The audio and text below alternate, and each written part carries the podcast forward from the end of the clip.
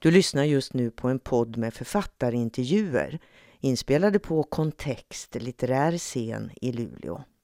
Kerstin Wixe ansvarar för podden och håller i samtalet.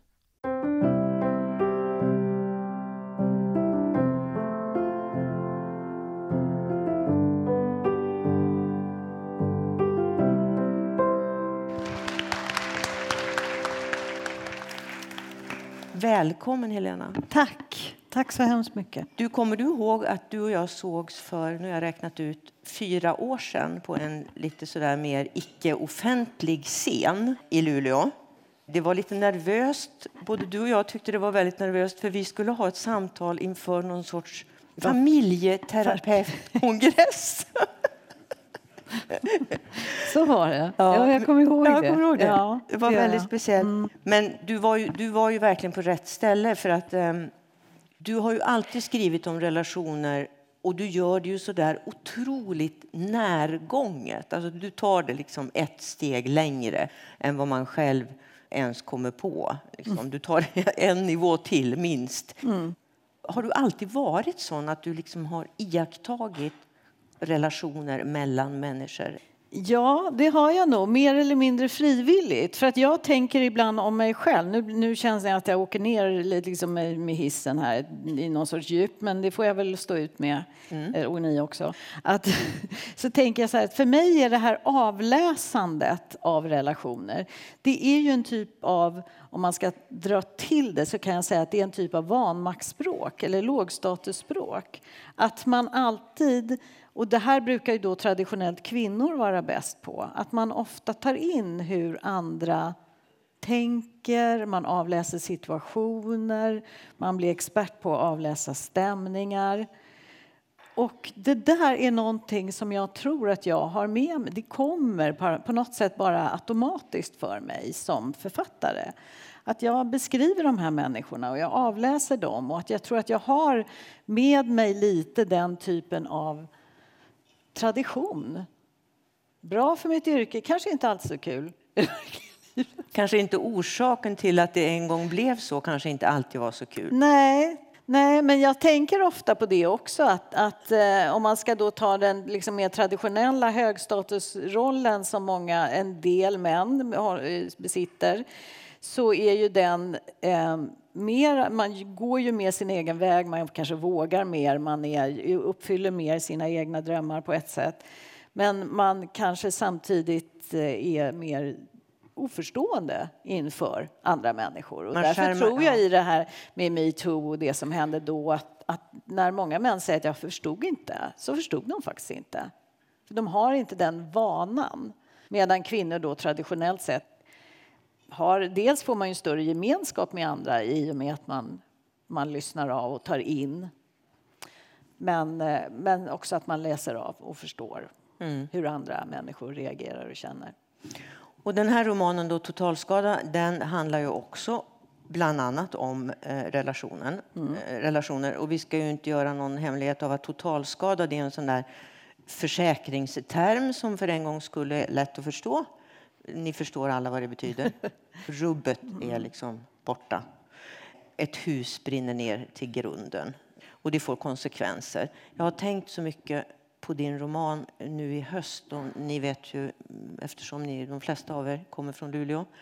Det, brann, eh, det var en brand här. Det, Jaha, det brinner ofta här, tycker jag. Men okay. nu var det rätt mycket skriverier om en brand här ja. i, i Luleå. Och det var en familj som eh, beskrevs i, i eh, lokalpressen som beskrev exakt det här som du beskriver ja. i, eh, i romanen. Och då tänkte jag, researchade du inför det här? Pratade du med människor som har fått sitt hus nedbränt? Ja. Eller räckte det med din egen föreställning? Ja, jag hörde om den här berättelsen några år innan jag började skriva på romanen. Då hörde jag just om en kvinna som fanns på långt håll i min bekantskapskrets. Men eh, hon hade hon var just sådär 50 någonstans. Hennes barn hade flyttat ut. Hon och hennes man bodde i ett lite för stort hus tillsammans. Och eh, det var ett sånt tillfälle när hon skulle laga någonting stort och mäckigt på spisen. De skulle ha fest. Och hon tyckte att det gick så långsamt. Hon var så här, nej men jag hinner gå ut och ta några bloss. Et voilà. Ja. Ja, och det, jag kunde inte släppa den här historien. Nej. Jag kände att den här berättelsen måste jag någon gång använda för att den har så oerhört mycket. Dels är det ju för mig en sån där fullständig mardröm. Alltså det är en sån katastrof. Jag, jag, jag har en sån eh, katastrofrädsla i mig och det här var ju verkligen en katastrof. Och sen tänkte jag, vad gör man efter det? Alltså både rent personligt, hur, hur rätar man på sig efter att ha gjort det här? Hela hemmet är borta och jag ville bara ta en cigg. Ah, jag kan bara inte tänka på det. Nej, och ändå har du skrivit en hel bok om det. Eller jag kunde tänka på det. Var det jobbigt? Ja, fruktansvärt. Men sen är det ju någonting väldigt fantasieggande med just det här. Vad gör man sen? Dels finns det ju någonting med en brand som är att man tar ju människor helt ur sitt sammanhang. De här människorna de har inte ett hem längre. Ett hem är någonstans, alla har sina invanda rutter i ett hem. Man har ett sätt, man liksom vet hur man, och man vet också lite hur man kan gå förbi varandra i ett hem. Men så plötsligt kan man inte det. Och vad händer? Och det som har hemligheter måste fram i ljuset. Alla de här gamla grälen som man kanske har haft men lagt i någon låda på vinden för man orkar liksom inte längre. Plötsligt brinner den där lådan upp och allting bara börjar sväva fritt. Och när man tittar på varandra och, och liksom den där frågan blir aktuell, vad gör vi nu? Ska vi börja om?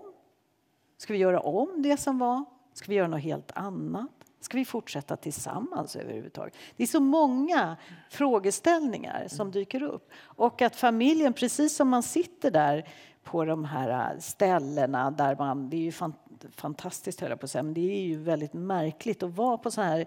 Det finns ju någonting, jag vet inte vad det heter här, men i Stockholmstrakten finns något som heter OKAB. När det börjar brinna i ett hus och huset är försäkrat så kommer det här bolaget som då är anlitat av försäkringsbolaget och hämtar samtidigt som brandkåren jobbar så mycket grejer de bara kan. De räddar så mycket de kan. Och sen får man åka ut. Jag var ute på ett sånt där ställe. Det var just en sån research man gjorde. Och då var det som en stor lada och där fanns liksom som öar så här i en stor hangar nästan av före detta hem med små rep omkring med svartfrätt vita rökskadade, fuktskadade möbler. Och sen får man också då stora flyttkartonger där ens lösöre bara har vräkts ner så här snabbt, snabbt, snabbt. Och då får man ju sitta och gå igenom dem grej, de lådorna och titta vad vill vi ha kvar, vad är värt att spara? Och det där blir ju på något sätt som en sorts bild av ens, hela ens liv. Vad är värt att ta vidare? För det är ju inte heller så att det som man vill ha kvar är någonting man bara, jag sparar det här och sen så går man därifrån. För att allting måste ju saneras. Och det kostar pengar. Och det kostar pengar. Så att det är, man måste verkligen göra ett avvägande vad det är man ska spara. Och allt det här beskriver ju du i romanen. Ja. Och mycket handlar, ja, mycket handlar om saker faktiskt. Ja. Och grejer. Och då var det ju som att då, då är det en bok till som är på tapeten ikväll som heter Grejen med saker, en väldigt vacker bok. Och den är ju som en sorts pangdang till, till romanen kan man väl säga. Här blir ditt hem en eh, workshop. Konstnären Silla Ramnek och fotografen Pia Ulin fick liksom fria händer i dina rum och bland dina saker. Och vad hände? Hur föddes en sån knäpp idé? Det var jag och? Silla. Jag hade gjort ett program som, eh, gjorde ett program som heter Oförnuft och känsla på radion. Och då hade jag, jag är alltid intresserad av människors förhållande till saker för att jag tycker att det är en outforskad och väldigt spännande del av våra liv. Och eh, då gjorde jag ett radioprogram om det och då, då kom hon till mig och så sa hon så här för hon har gjort väldigt fina installationer på olika eh, museer och sånt just kring hem och saker. Och då kom hon till mig och så sa hon att vet du, nu räknade jag hur många grejer jag har i mitt kök och jag tror att det är 837 saker. Och mitt kök är väldigt litet och inte alls särskilt välutrustat. Och jag började tänka, vi började tänka på det där, så vi kunde inte sluta prata om det. Vi tyckte att det var så roligt att liksom börja just undrar, har man gjort annat i sitt liv än att bara gå och burit hem grejer? Och man börjar räkna just vad man har hemma. Och det är ju, vi, är ju, vi lever ju i en kultur som är extremt upptagen av saker. I, historiskt sett så finns det ju ingen kultur där gemene man har ägt så mycket saker som vi gör idag. Alltså vi äger så mycket saker så att det är ett problem för oss. Vi är så här, åh, vad ska vi göra av? Åh, vi får stå här, i garderoben är överfull och garaget också. Nu måste vi hyra ett lager. Och sen när folk fyller år så är det så här, vad ska vi ge henne? Hon har ju allt. ja, men det är så. vi har ett bekymmer med alla våra saker. Ja. Det är så mycket saker. Och där tycker jag på något sätt att det är som att det växt upp en typ av bulimitillstånd. Att vi har verkligen vant oss vid den här genom, det här, i det här genomkommersialiserade samhället att vi ska skaffa saker som svar på allt. Tråkigt hemma, bygg ett nytt kök. Ser du tråkig ut, köp en klänning. Så det, det, är vi väldigt inkörda i. Men sen har det ju samtidigt vuxit upp en annan rörelse som har snudd på andliga dimensioner. Och det är ju det här befria dig från saker. Jag vet inte hur många såna här rensa i röran-böcker som har dykt upp på sista tiden. Och den här Marie Kondo som finns på tv mm. som folk tilltalar som om hon vore en guru som ska komma och liksom befria dem från alla grejer. Och det är ju någonting med det här med saker som har liksom bara liksom växt fram som det är det vi gör. Hantera sakerna. Och det är som Silla säger att eh, Ja, det är som att vi liksom har två hjärnhalvor. Så här. På lördagen så går vi ut och handlar och på söndagen så är vi hemma och rensar ut. Det är liksom...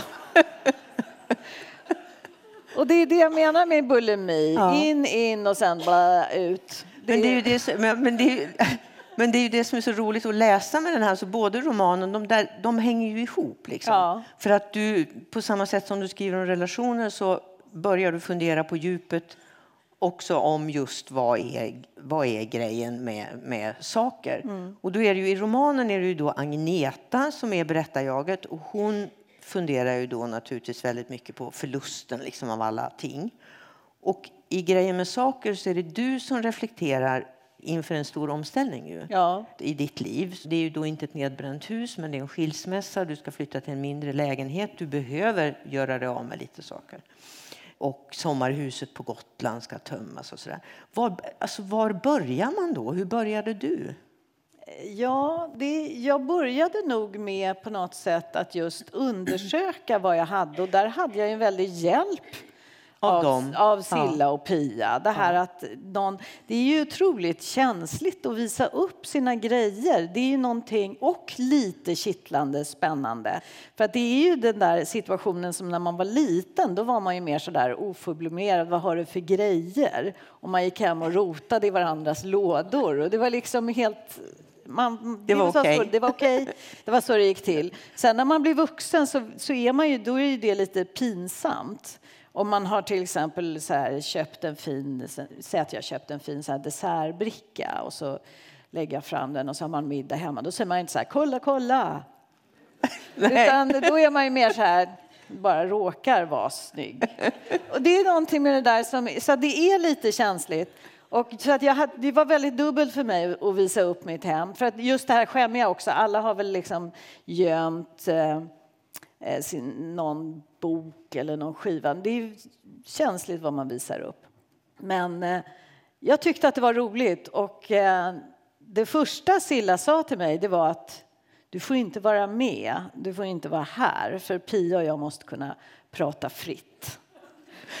Så... Och då tänkte du, vad ska de prata om? Ja, precis. Nej, det var en sån här falla bakåt-övning. Nej, men det, ja. var det, det, det gav mig i alla fall, för att jag kom ju hem och då hade de gjort fantastiska eh, scenerier med det jag ägde. En gång hade de satt ut på hela vardagsrumsgolvet i stort sett allt jag hade som en sorts mönster.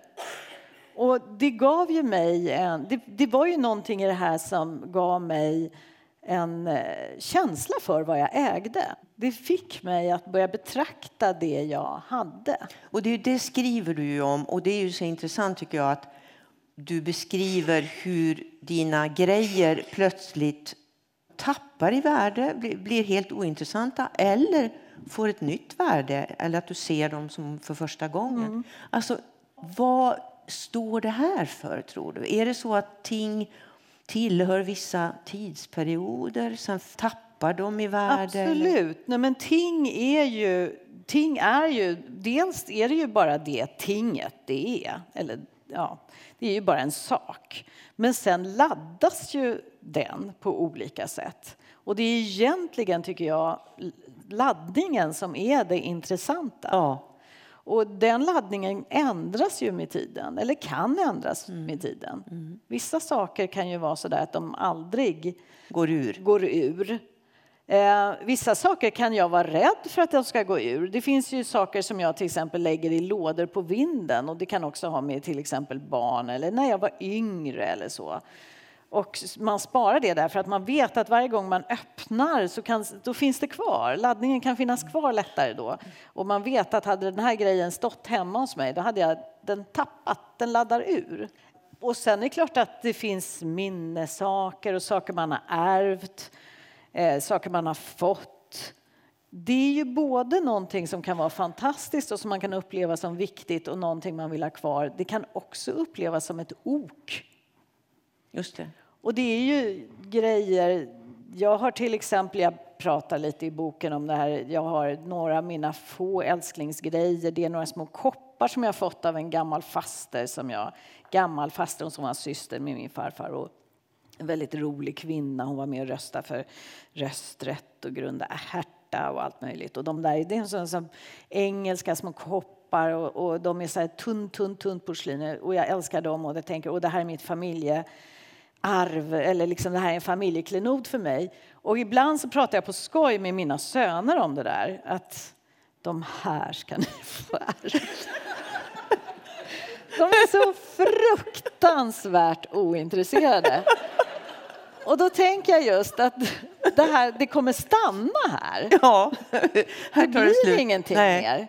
Det här blir någonting annat. Ja. Men det är just det där jag menar, vad känner du för, ja, det, det nej, jag har faktiskt försökt bestämma mig för att saker får aldrig ha en laddning så att de blir en belastning. Det ska nej. alltid vara till glädje. Och någonting som jag kom på med den här boken det var att jag, man måste alltid chefa över sina grejer på något sätt. Man ska aldrig vara slav under dem. För att jag kände när jag började med det här projektet, då hade jag mycket den upplevelsen av att jag gick hemma och tittade mig omkring och upplevde vanmakt. Att jag kände att jag orkar inte med alla saker. Vad ska jag göra av alla saker? Vad har jag här? Jag vet inte. Och den känslan är stressande. Men det är väl det alla de här bloggarna och tv-programmen och böckerna handlar om? Ja, Precis jo. det, att man ska ta Precis. kommando Sen kan jag tycka saker. att de många gånger är för schematiska. Det kanske finns människor som trivs med, med att ha mm. 150 porslinskatter och då tycker jag verkligen man ska ha det. Jag föredrar att komma till ett sånt hem än ett som ser ut som alla mäklarannonser gör. Jag bara menar att man ska på något sätt hitta sig själv och det att man ska känna att man liksom, det är man själv som gillar sakerna och man ska inte känna så som att man är slav under dem. För det är också när jag går runt, åker runt och pratar om det här så det, finns det ganska många som kommer fram till mig efteråt och säger ja, det här, jag tänkte på det här, så jag måste bara fråga dig. Jag har fått den här eh, matsalsmöbeln Den har gått i generationer. Jag vet inte vad jag ska göra. Så det är nästan som en sån här ett åtagande som tynger. Och det är ju sorgligt på ett mm. sätt. Så att lite kommando över våra saker, det är en bra Ja, sak. och på något sätt, saker är bara saker. Ja. De är besjälade, men det sitter hos människan och inte hos sakerna. Sakerna gråter inte för att de byter ägare. Men du, du skrev en... Och om man själv gör det, då ska man spara dem. Ja. Men jag menar, tingen i sig. Men du, du, skrev en sak i den här boken som nästan inte chockerade mig, men det, det var en lite chock, chockartad mening för mig. Du skrev så här. Om jag blev av med allt jag äger och har, vad finns kvar av min upplevelse av att vara jag? Mm. Det där grubblade jag på i flera dagar och gick och tänkte på, men vänta nu. Är, vi liksom summan av våra saker? Är det verkligen där vår identitet sitter? Är det det? Ja, nej, egentligen inte. Det är, men jag tror att jag skulle, om, jag, om allt jag ägde och hade, vilket många människor råkar ut för, eh, det tänkte jag mycket på också mm. idag. Men, men om jag verkligen själv var i en sån situation att jag var tving, tvingades att fly utan någonting ja. eller att mitt hem brann upp och allt förstördes eller vad som helst. Då skulle jag nog känna mig oerhört vilsen. Mm. Jag tror det.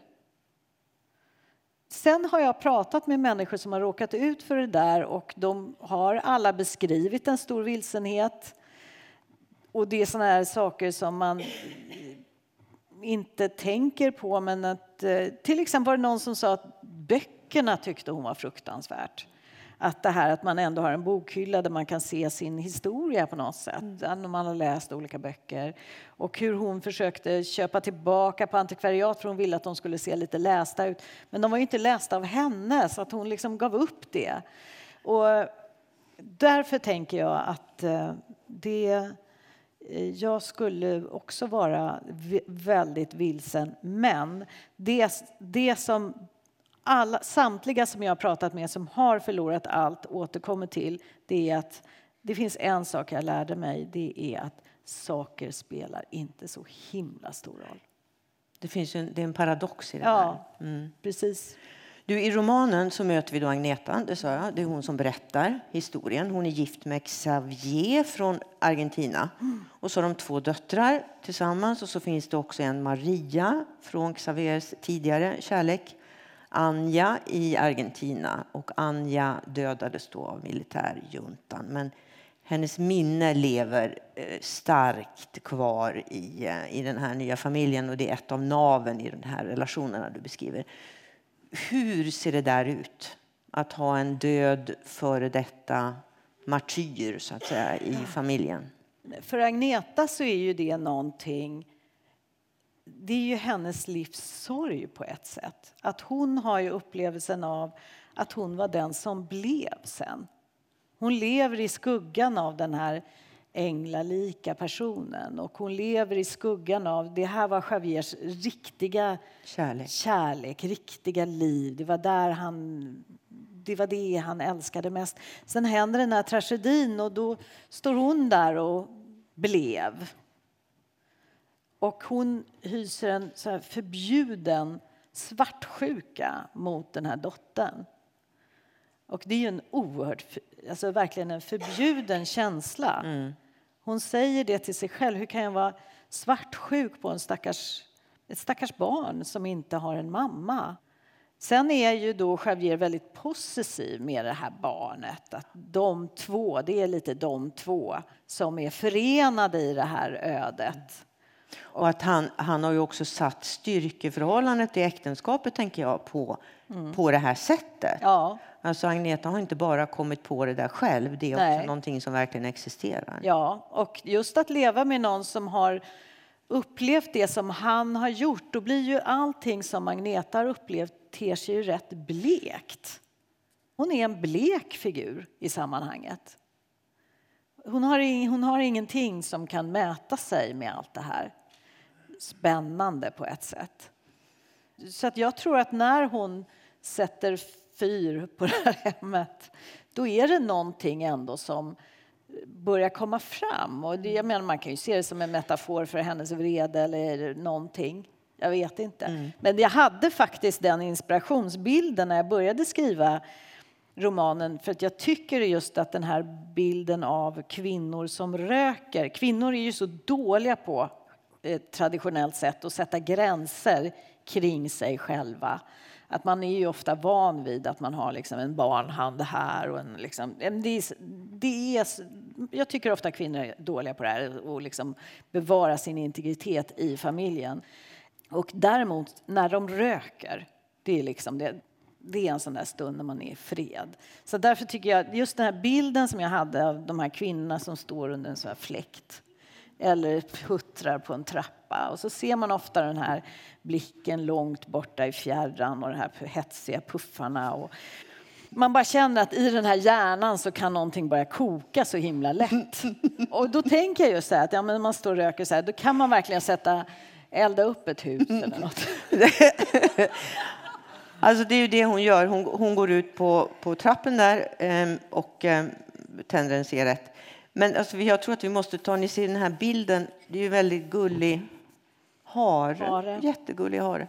Du kanske måste berätta varför det är en gullig hare på, på en roman Ja. som handlar om ett nedbränt hu- hus. Ja, det är, eh, det är så här att Javier han har som jobb att inventera svenska skogen. Han är, när han kom, hem, kom till Sverige, som han uppfattar som det tryggaste land i världen, så var skogen en tröst för honom. Han fick ett förhållande till skogen och nu så är han då ny, nybliven pensionär.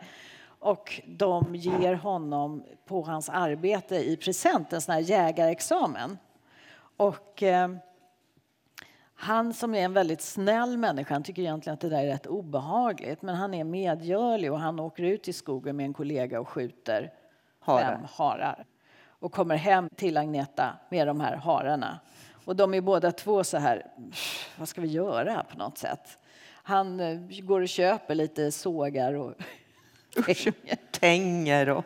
Ja, för de ska flås. Sen så att det, Agneta kommer ändå med den här idén om att ja, men vi ska nu, jag vet, vi gör en hargryta. Och lite idén med den här hargrytan för henne det är att tänk, nu kan vi återuppta någonting. Det här. Vi är ändå fria människor. Barnen har flyttat ut. Vi gör en fest. Vi äter hare, vi dricker vin, vi blir fulla, vi, vi har det roligt. Nu ska hararna knipsas och knopsas och ner i grytan. Och den här festen, den, alltså förutom då att hon bränner ner huset så är det, det är också någonting som blir att Javier han hänger på och säger okej, han, är, han är ju lite sådär deprimerad. Han har, och det avslöjas ju sen i boken mer, han har någonting som pågår som han inte berättar för Agneta förrän senare. Men, eh, men det som händer det är också att plötsligt har han bjudit sin dotter Maria på den här festen. Och då sjunker ju Agnetas humör betänkligt. För att hon ser framför sig att då kommer alla vara så här, åh Maria, vad kul att du är med. Och hon vill inte det. Hon vill att det ska vara deras fest. Hon vill att det ska vara en vuxenfest. Hon vill kunna bete sig. Hon vill liksom... Så att det där blir lite, lite av en kris faktiskt, eller ett gräl mellan dem. Att han bjöd in henne. Men det är en väldigt brutal inledning där. De här scenerna det sträcker sig över många sidor när det knipsas av eh, eh, harfötter och öron och flås och liksom grävs i de här stackars eh, döda djuren. Eh, väldigt brutalt faktiskt. Har du flått en hare någon gång? Nej, aldrig. Och jag, aldrig varit, jag tittade på Youtube hur man gjorde. Okej. det gjorde de också tror jag. Ja, det gjorde de faktiskt. Som av en händelse. Men du, alltså texten kretsar ju sen då, kan man säga, väldigt mycket kring begreppet skuld. Alltså i det här fallet då Agnetas skuld. Och så går alla känslor runt för henne så att jag nästan blir tokig där i början. Alltså hon, är ju, hon blir ju mer och mer förlamad av skuld och då anklagar resten av familjen henne för att hon lägger beslag på hela katastrofen genom att känna så mycket skuld. Och så blir hon ännu mer knäckt. Och så, alltså man blir, man Ja. blir helt tokig. Ingen hanterar ju det här på något bra Nej, sätt. men det där ibland tänker jag så här när människor säger till mig att Åh, hon tog på sig så mycket skuld. Då tänker jag så här, jag är ungefär som att man skulle elda upp ett helt hus och så komma ut med någon sån här handlingsplan som var Ja, men hur man ska hon, bete hon har ju inte eld, alltså det är ju en olycks... Alltså hon Det är en olyckshändelse, absolut. Det är en olyckshändelse. Och det där, eh, men jag tror, nu har jag ju levt mig in så mycket i Agneta. Så att det, jag kan också ta några steg ut och säga, nej men det, snälla Agneta, det var en olyckshändelse. Ja. Men jag är så mycket inne i henne så att jag tänker så här att hade jag stått gått ut och Javier hatar ju också att hon röker till att börja med, det värsta han vet. Och Mm. Ja, hade jag men- liksom ja. trotsat det där och gått och ställt mig och, och rökt i alla fall och varit så dum så att jag liksom tänkte att ja, men den här spis, den här grytan klarar sig själv. Jag skulle, jag skulle förintas av skuld. Jag skulle verkligen det. Jag tror Skulle det. det? Ja, Och jag tror att det skulle ta mig väldigt lång tid och, och rycka på axlarna och säga men det var faktiskt en olyckshändelse. Mm. Mm. Och hur mycket, har cigaretten, med det att göra? hur mycket har cigaretten med det att göra då? Att hon överhuvudtaget lämnar köket? Tänk om hon kan ha gått ut med soporna eller hade det varit bättre eh, om hon inte hade rökt? Kanske lite. Kanske lite. Ja, det, om hon hade gjort något nyttigt. Men du, så finns det, ju en annan, det finns ju en annan sak också med skulden. För när hon står där ute och röker, då är det inte bara det att hon står där och röker, utan hon står där och röker och så tänker hon på en annan man. Exakt. Är det inte bara det som är värst då? Det, det bidrar. det bidrar. Absolut. Det är någonting att överhuvudtaget frigöra sig med siggen där på trappan. Att vara sig själv, att liksom lämna hela hemmet bakom sig som säkert är. Men det där är roligt för att när jag eh, i början när den här romanen kom ut och jag eh, skulle prata om det inför, jag tror att det var någon sån här säljmöte på Norstedts, att säljarna skulle lyssna och jag skulle berätta om romanen och så, så sa jag så här att det, och det är hennes fel och den som intervjuade mig på scenen sa men det är det ju inte. Och jag sa jo det är det och det blev nästan som ett ja diskussion. Och det var också roligt för att det var eh, när jag var och pratade någon annanstans, då var det en man i publiken som plötsligt sa så här. Jag tycker verkligen att, du ska, att man ska inte tänka att det var Agnetas fel. Jag tror att det var Javier som har missat att man måste rengöra den här fläkten. Ja, precis. Eller Agneta kunde ha rengjort den i och för sig, men det ska man ju. Ja, det ska man. Det har han säkert inte gjort heller. Men du, de här känslorna då som går runt. Ja, du är ju en mästare på att beskriva det där, man, men man blir ju tokig nästan alltså, av att läsa om det, för det är så förvirrat och så knäppt så man vill ju gripa in och säga nej, hallå där, nu får ni väl ändå. Och, så där. och, sen, och det, detta blir också väldigt tydligt när de går till den där hangaren. Mm. Och så ska de välja då bland de här rökskadade sakerna. Alltså vad är värt att ta vara på och inte? Vad ska vi satsa pengar på? Då blir hon ju ännu mer deprimerad, Agneta, för att när hon inser att sånt som hon värderar, det är ingen annan som bryr sig om. Nej. Nej, hon har skapat ett hem och Javier kan prata om det där, men släng skiten. Och det är ju fruktansvärt ja. jobbigt. Men sen är hon ju också lite snobb för barnen kan ju plötsligt börja gräva fram saker som åh, de här kopparna, de hade vi när vi var små. Och eh, Agneta ser bara någonting som är helt värdelöst mm. på något sätt. Mm. Det, det, är inte hennes laddning. Det, det, är inte hennes, nej, det är ingenting som hon har skaffat med någon sorts eh, eh tanke eller mm. ja, det är mm. sådana grejer som bara blivit. Och, mm. Men eh, ja. Men sen då i romanen, när, när, ungefär när man tänker att nej Agneta, nu orkar inte jag med dig längre. För det gör ingen annan i romanen heller och inte jag heller som läser om det. Då kommer det en vändning. Mm. Jag tror vi kan säga det ändå. Alltså Xavier försvinner, om än tillfälligt, men han försvinner. Och då bryts den här förlamningen hos Agneta. Alltså man liksom bara, äntligen. Och du har ju skrivit om det här i tidigare böcker, många gånger egentligen. Mm i vilken utsträckning en människa, ofta kvinnor kanske, kommer till i, i mannens öga, i mannens blick, i en, någon annans föreställning. Och nu är hon då plötsligt ensam. Och då rätar hon äntligen mm. skönt på ryggen mm. och eh, börjar liksom befria sig och handla och liksom kommer ur de här väldigt mm. fastlåsta mönstren som hon mm. har levt i så länge. Mm. Alltså hennes underordning bryts kan man säga. Det här har du beskrivit så många gånger mm. förut. Vad är det som är grejen med det? Nej, men det är väl mycket det. Det är väl ett sökande hos mig själv helt enkelt. Att, eh,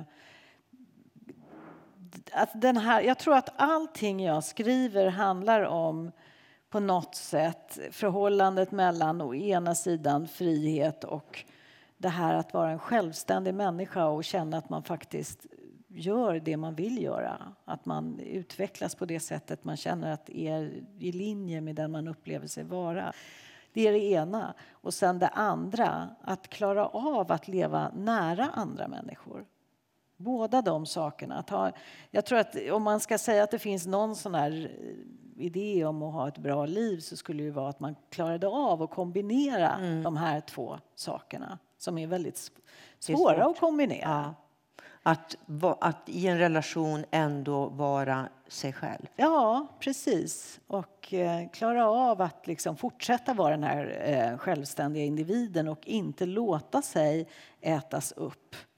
Och jag tror att det som är, händer i den här boken det är just det här att hon också får syn på det här är också som jag kan uppleva ibland är en sorts kvinnofälla. Det här att man är, en, ofta är man väldigt använd kan man vara i en familj. Man är använd för att man är den som ser till och rättar till och grejar och fixar och på något sätt servar resten av familjen. Det handlar inte bara liksom om att göra, ta huvudansvaret för att mat ska komma på bordet eller sådana saker, eller det ska bli jul eller vad som helst. Utan också rent känslomässigt. Att vara den som liksom på något sätt uppväger och rättar till och drar ifrån och allt det där. Så en väldigt använd människa. Och samtidigt lite aning föraktad eller lite mindre respekterad än de andra i familjen. Just för att man låter sig användas. Det där är också en paradox. Men Det är en paradox. Ja, det är en paradox. Ja. Detta ser ju Agneta.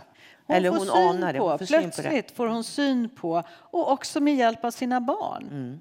För att det är också det. Inte som minst händer. sina barn, Inte egentligen. minst sina barn. Att plötsligt så börjar de träda fram som någon typ av vittnen. Och hon kan ju bli rasande, och det är också en sån förbjuden känsla. Hon kan bli rasande på sina barn för att hon tycker just att de bara, äh, men mamma.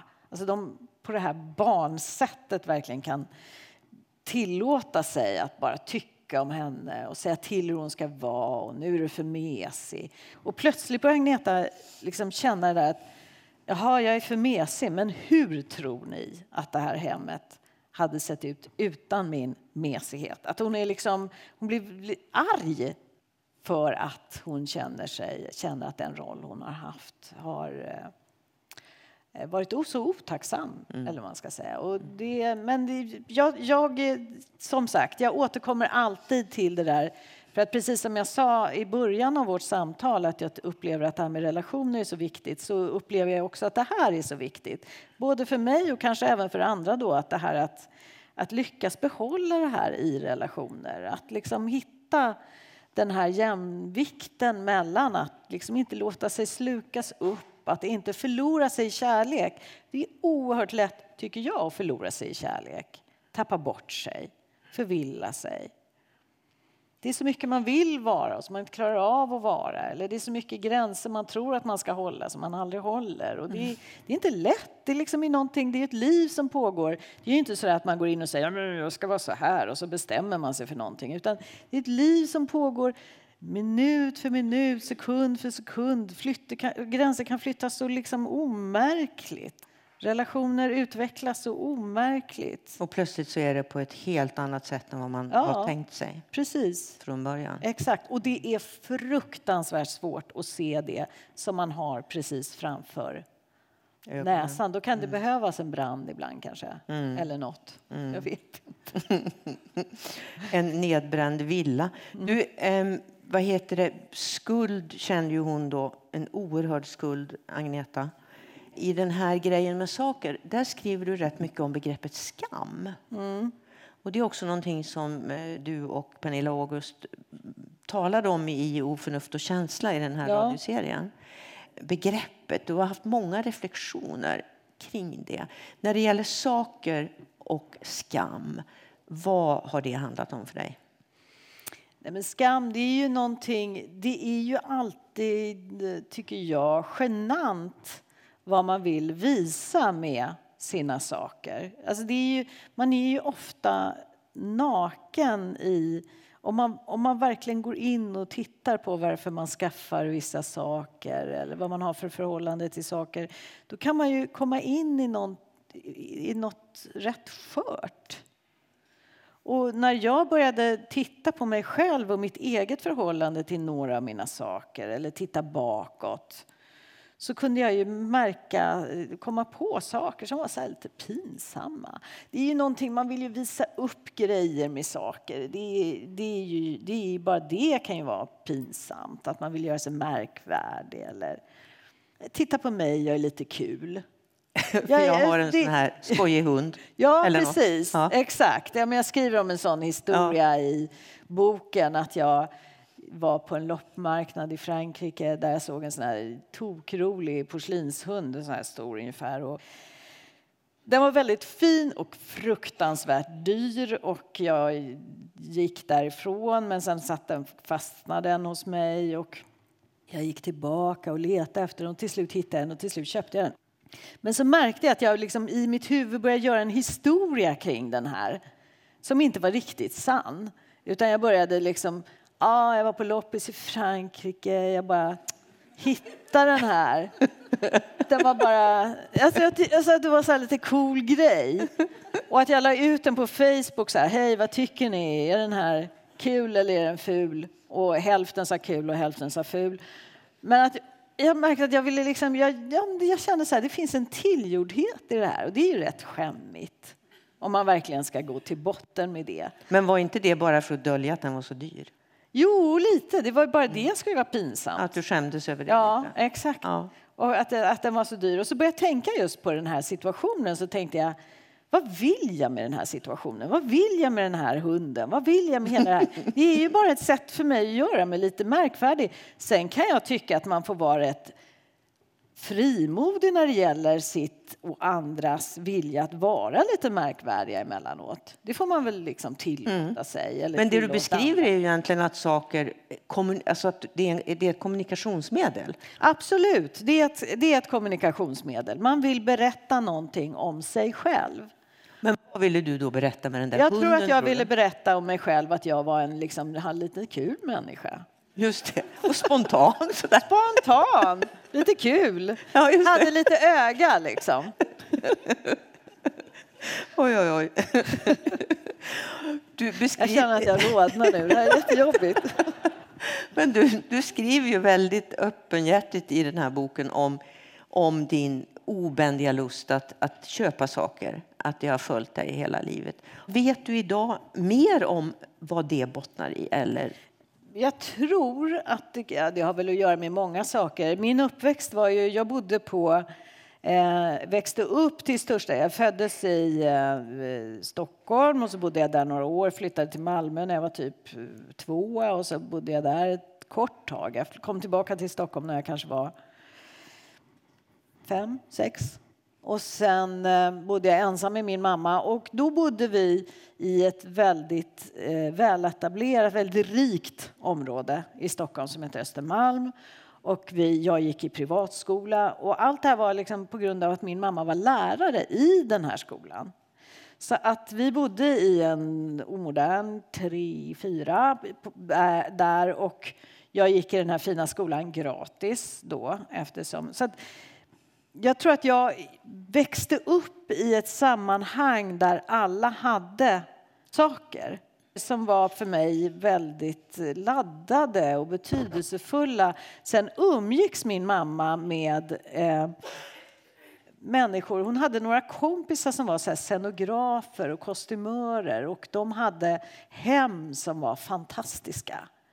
Alltså, så enorm, man kunde bara gå omkring och titta. Det fanns någonting i den här, jag har alltid gått igång på det här, för det finns någonting kreativt med saker. Det finns någonting roligt med saker. Och det tycker jag verkligen. Jag tycker att vi, man kan ju ha ett prylförakt idag och det kan jag också ha. Men det finns ju också kring saker en annan sida som är väldigt fantasifull och som är väldigt rolig. Och eh, det här har jag väl lite ärvt av min mamma som alltid har varit en sakletare också. Och eh, det har bara funnits där. Och jag vet när jag var barn att jag kunde, jag kunde se någon grej i någon leksaksaffär och jag kunde fantisera om den där grejen. Jag ville så gärna ha den så att jag höll på att smälla av. Och likaså så hade Kalanka en sida där det var Vinn första pris är att gå in i en leksaksaffär och samla på dig så mycket du kan bära. Och den där, det där kunde ju, det kunde ju uppehålla mig natt alltså kväll efter kväll innan jag skulle somna tänka ut så strategier och hur mycket, vad skulle jag välja och hur skulle jag göra. Och det var ju sån dröm. Du har en formulering i boken där du skriver eh, där, där, du beskriver att du har ett hål eller har haft ett hål av begär inom dig. Har du det fortfarande? Ja, jag har, jag har nog alltid haft det där att jag, eh, jag tycker om ja, samla på mig mm. grejer. Och, men jag börjar bli bättre. För att du, och då jag hade faktiskt ja. ett köpfritt år. Ja, jag vet. Ehm, och då, då tyckte jag att jag fick lite bättre pejl på det där. Och ja. jag, har, jag köper faktiskt väldigt mycket mindre grejer mm. idag. Eller skaffa mindre grejer. Och det är, det är en befrielse. För när du skrev om det där hålet med begär och den åtföljande skammen, mm. då tänkte jag på Sara Lidman. För att Sara hade nämligen exakt samma sak. Hade hon? Ja, det kan Aha. man inte tro. Men jag har rest runt med henne lite grann så jag vet. Okay. Jag har själv en, en, eh, en kappa hemma till exempel. Som, ja, vi var, hade varit i Arvidsjaur eller något sånt och så stannade vi vid någon affär och hon skulle absolut in i någon klädaffär där. Så vi går in och hon köper omedelbart en eh, jättedyr eh, yllekappa och sen direkt när hon hade köpt den, så vi kom ut till bilen, så sa hon så här, du måste ta den här kappan. Men, jag, nej, men jag kan inte ta den här kappan, jag, det, är, det, är ju du, det är du som har köpt den. Nej, ja, men då, då, går jag, då slänger jag den.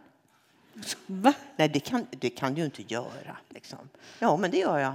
Du måste ta. Så hon tvingar, jag har aldrig använt den, men den hänger hemma. Men alltså, och då, då pratade vi om det här sen i flera timmar och då beskrev ja. hon precis det här. Att hon Alltså hon går in, sen ger hon genast bort det, för hon står inte mm. ut med att ha sakerna. Hon stod inte ut med det. Men hon kunde liksom inte låta bli.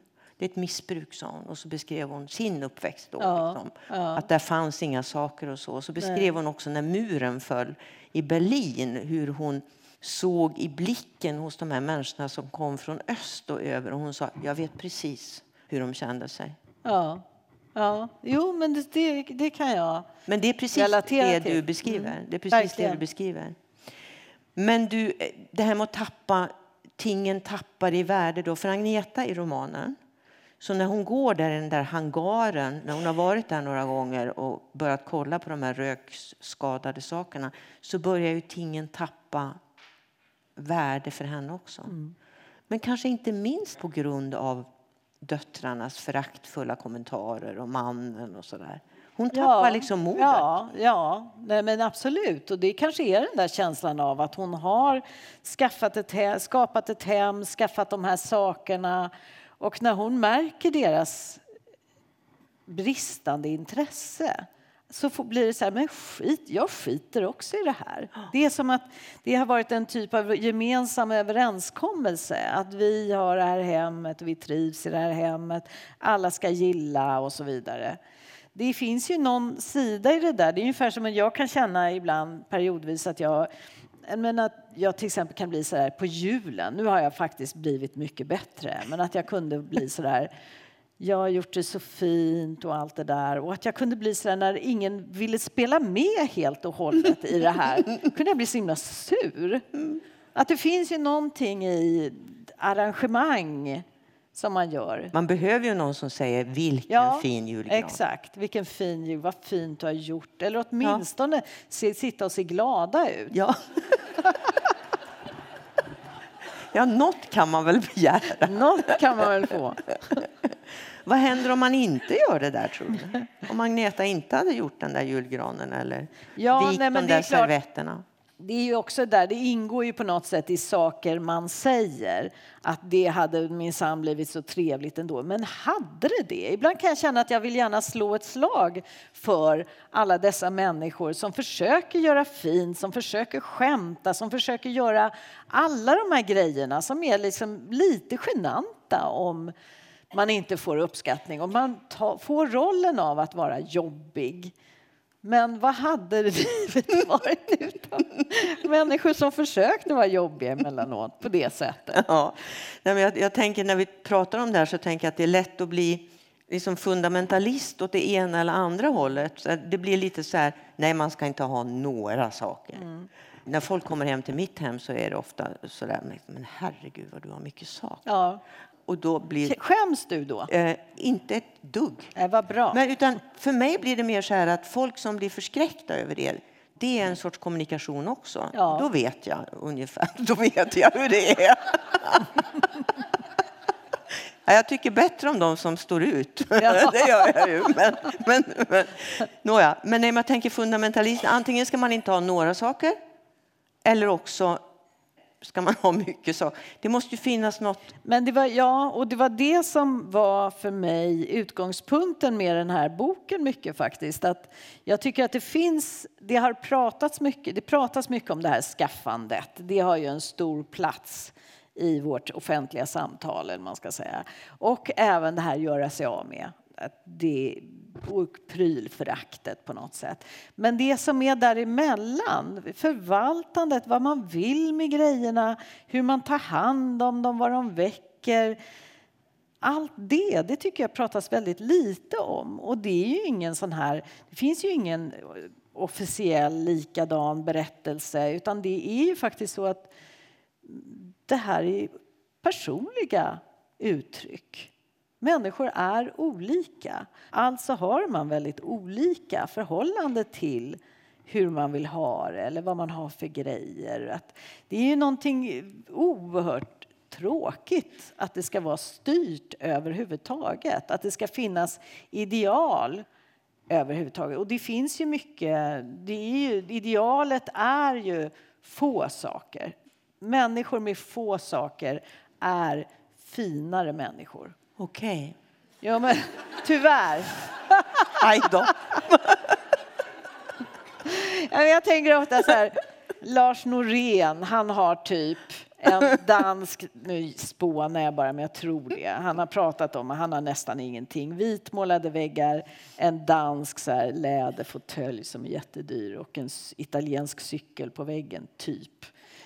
Då har man, det, ja men det är ju någonting, det är lite så underförstått. Är det fint? Ja, då är det Då fint. är man en, eh, en människa som står över, som har smak för de få grejer man har är jättefina.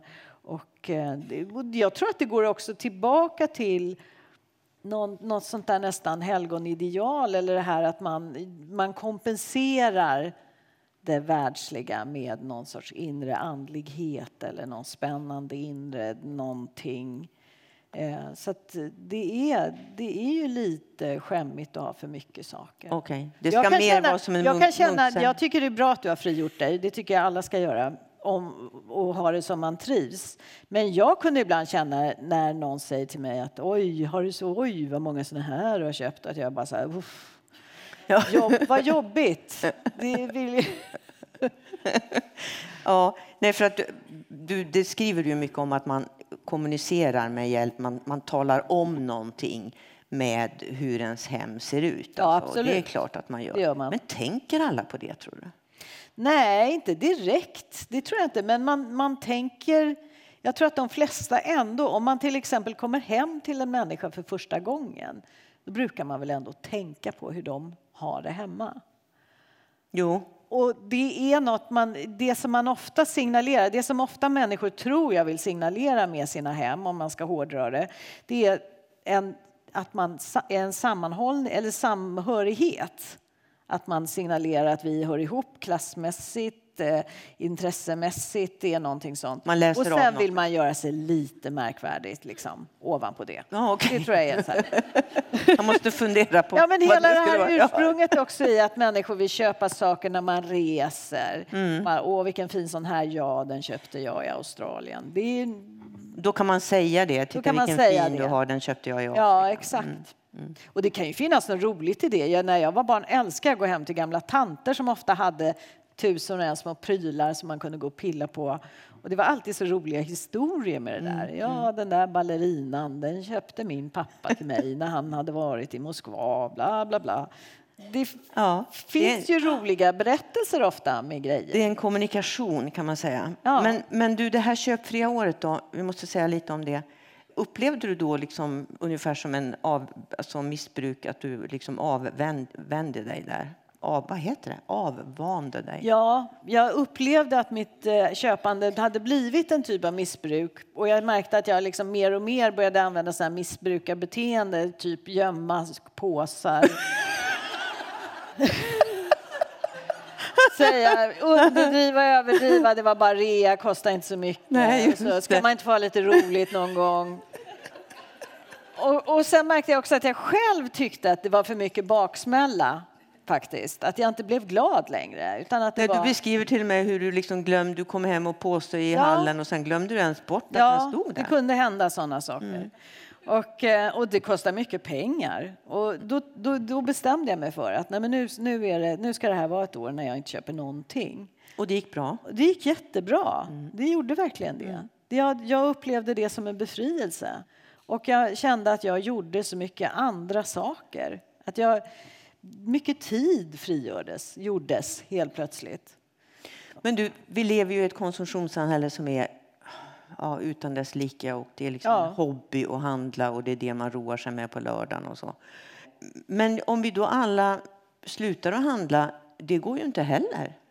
Nej, För att det, ju, det bygger ju på det här att det liksom, hjulen ska rulla. Hur Ja. ska vi hantera det här? jag tror ändå att det finns andra måste finnas andra, en annan typ framväxt med en, en annan typ av arbeten eller en annan typ av beteende helt enkelt än det där. För att det är ju jorden, det vet vi ju alla mer än väl vid det här laget. Jorden är Jordens resurser är verkligen ändliga. Och det är ju otroligt sorgligt att leva i en kultur där man skaffar massa saker som man i grunden ofta föraktar egentligen och vill befria sig från som tär just på den här, de här resurserna. Det är, någon, det är något väldigt, eh, tycker jag, sorgligt och hemskt med det. Nej, men det här fokus på saker, jag menar just, just i dessa tider och med den nya miljömedvetenheten som växer fram så kommer vi snabbt tror jag att börja förhålla oss på ett annat sätt till saker. Absolut, och jag tror att många unga människor gör det redan. Ja, Jag tycker absolut. att mina två söner gör det, absolut. De, de tycker så här, men jag har en tröja redan. Ja. Och jag bara, ja det har aldrig hindrat mig, men... Jag tänker verkligen, Nej. de har ju så rätt. Det är ju så. Jag har den tills den går sönder. Ja, ja, eller lite så här, vad ska jag med två svarta tröjor till? Mm. Vad menar du? Och jag, nej, men jag märker den helt, och även bland dem och deras kompisar, att de börjar utveckla ett annat sätt att förhålla sig. Underbart. Ja. Du, I romanen så finns ju då trots alla missuppfattningar ett slut med en eh, öppning kan man ju verkligen säga. Jag vet att det är viktigt för dig med slut, eller det är det nog för alla författare. Men är det viktigt för dig med lite lyckliga slut? Jag vet inte. Ja, jag tänker att eh, någonting... Eh, ja, det är det kanske. Någon sorts försoning. Jag tycker att det jag... Jag skulle inte säga att det är viktigt för mig med lyckliga slut, men jag skulle säga att jag tycker att det är viktigt med ett slut där man får syn på någonting och står ändå vid ett vägskäl där det finns en nya valmöjligheter. Och att någonting har förändrats? kanske? Någonting har förändrats, exakt. För så, ett sånt slut är det ju på Ja, totalskadan. Nej, någonting har förändrats, det är viktigt. Eh, och att det går att förändra saker. Ja, precis. Eh, nu ska jag göra en liten biografisk notering om dig innan vi slutar. Vi måste snart sluta. Alltså, du är ju inte bara författare, du är också journalist. Du sysslade med filmkritik i många år. Du är en begåvad radiomänniska, som vi brukar säga på radion. Tack. Oförnuft och känsla lades ner, för, eller har vi inte hört på några år nu. Nej, Men det är kanske kommer nedlagt. tillbaka. Ja. Vi vet inte. Ja. Men vi hör dig i Spanarna. Ja. Och det har vi gjort i, vad, var det för jubileum de firade nu? Var det 25? 30. 30 var det. 30 år. I 30 år har du suttit där. För du var med i grundpanelen. Ja, jag var med. Eller det var en, ett halvår innan så var det en annan panel. Men sen tog jag och Jonas Hallberg och Jakob Dalin Just. över. Jakob, ja. Jakob, ja. Så att vi var, vi var tillsammans. Varje fredag gjorde vi Spanarna då, ända fram till Jakobs död. Och sen kom Jonas Gardell in så småningom och ersatte Jakob. Och sen tror jag att jag och Jonas och Jonas gjorde Spanarna varje fredag i åtta år. Varenda fredag. Det var liksom... Men ägnade du ditt liv åt spanarna? Ja, nej men det, det blev en sån... Eh, någonting som jag kom in, man kom in i det. Ja. Jag hade hela tiden någon sån här spanar eh, påslaget, eller vad man ska säga. Ja, och det har Så- du fortfarande, men du är Ja, inte nu med tycker lika jag att det är ofta. mycket svårare. Nu är jag ju bara med någon gång ibland. Ja, och då är det svårare när man inte Ja, är nu igång. tycker jag det är liksom. Ja, precis. Men Helena, nu kommer jag fram till min fråga. Du har i många sammanhang talat om din egen blyghet. Och det tycker jag är så intressant för att du är ju en sån extremt offentlig person egentligen. Det är så märkligt det där. Men jag tror att om man eh, tittar på många offentliga människor så tror jag att de kan uppleva en enorm blyghet i botten. Det är, nej men jag är inte, jag är, jag hävdar det. Jag är i grund och botten en väldigt blyg person. Jag var, nej men jag, och det är ofta så där att man har en identitet sedan man är liten som sitter i. Och jag tror att mycket av det var grunden till att jag började skriva böcker.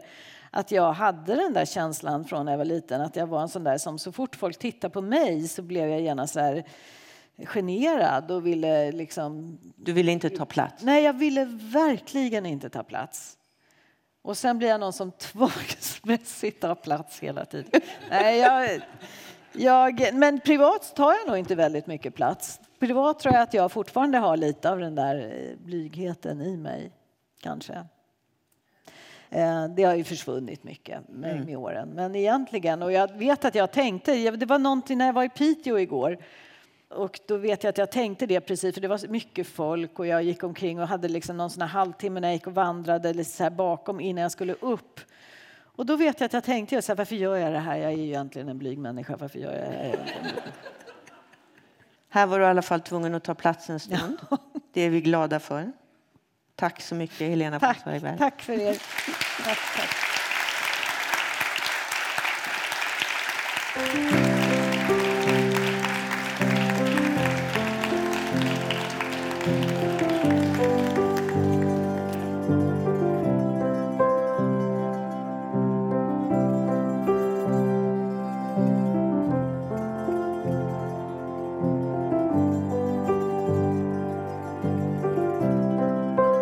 Kontextpodden produceras med stöd av Region Norrbotten och i samarbete med Kontext litterär scen i Luleå.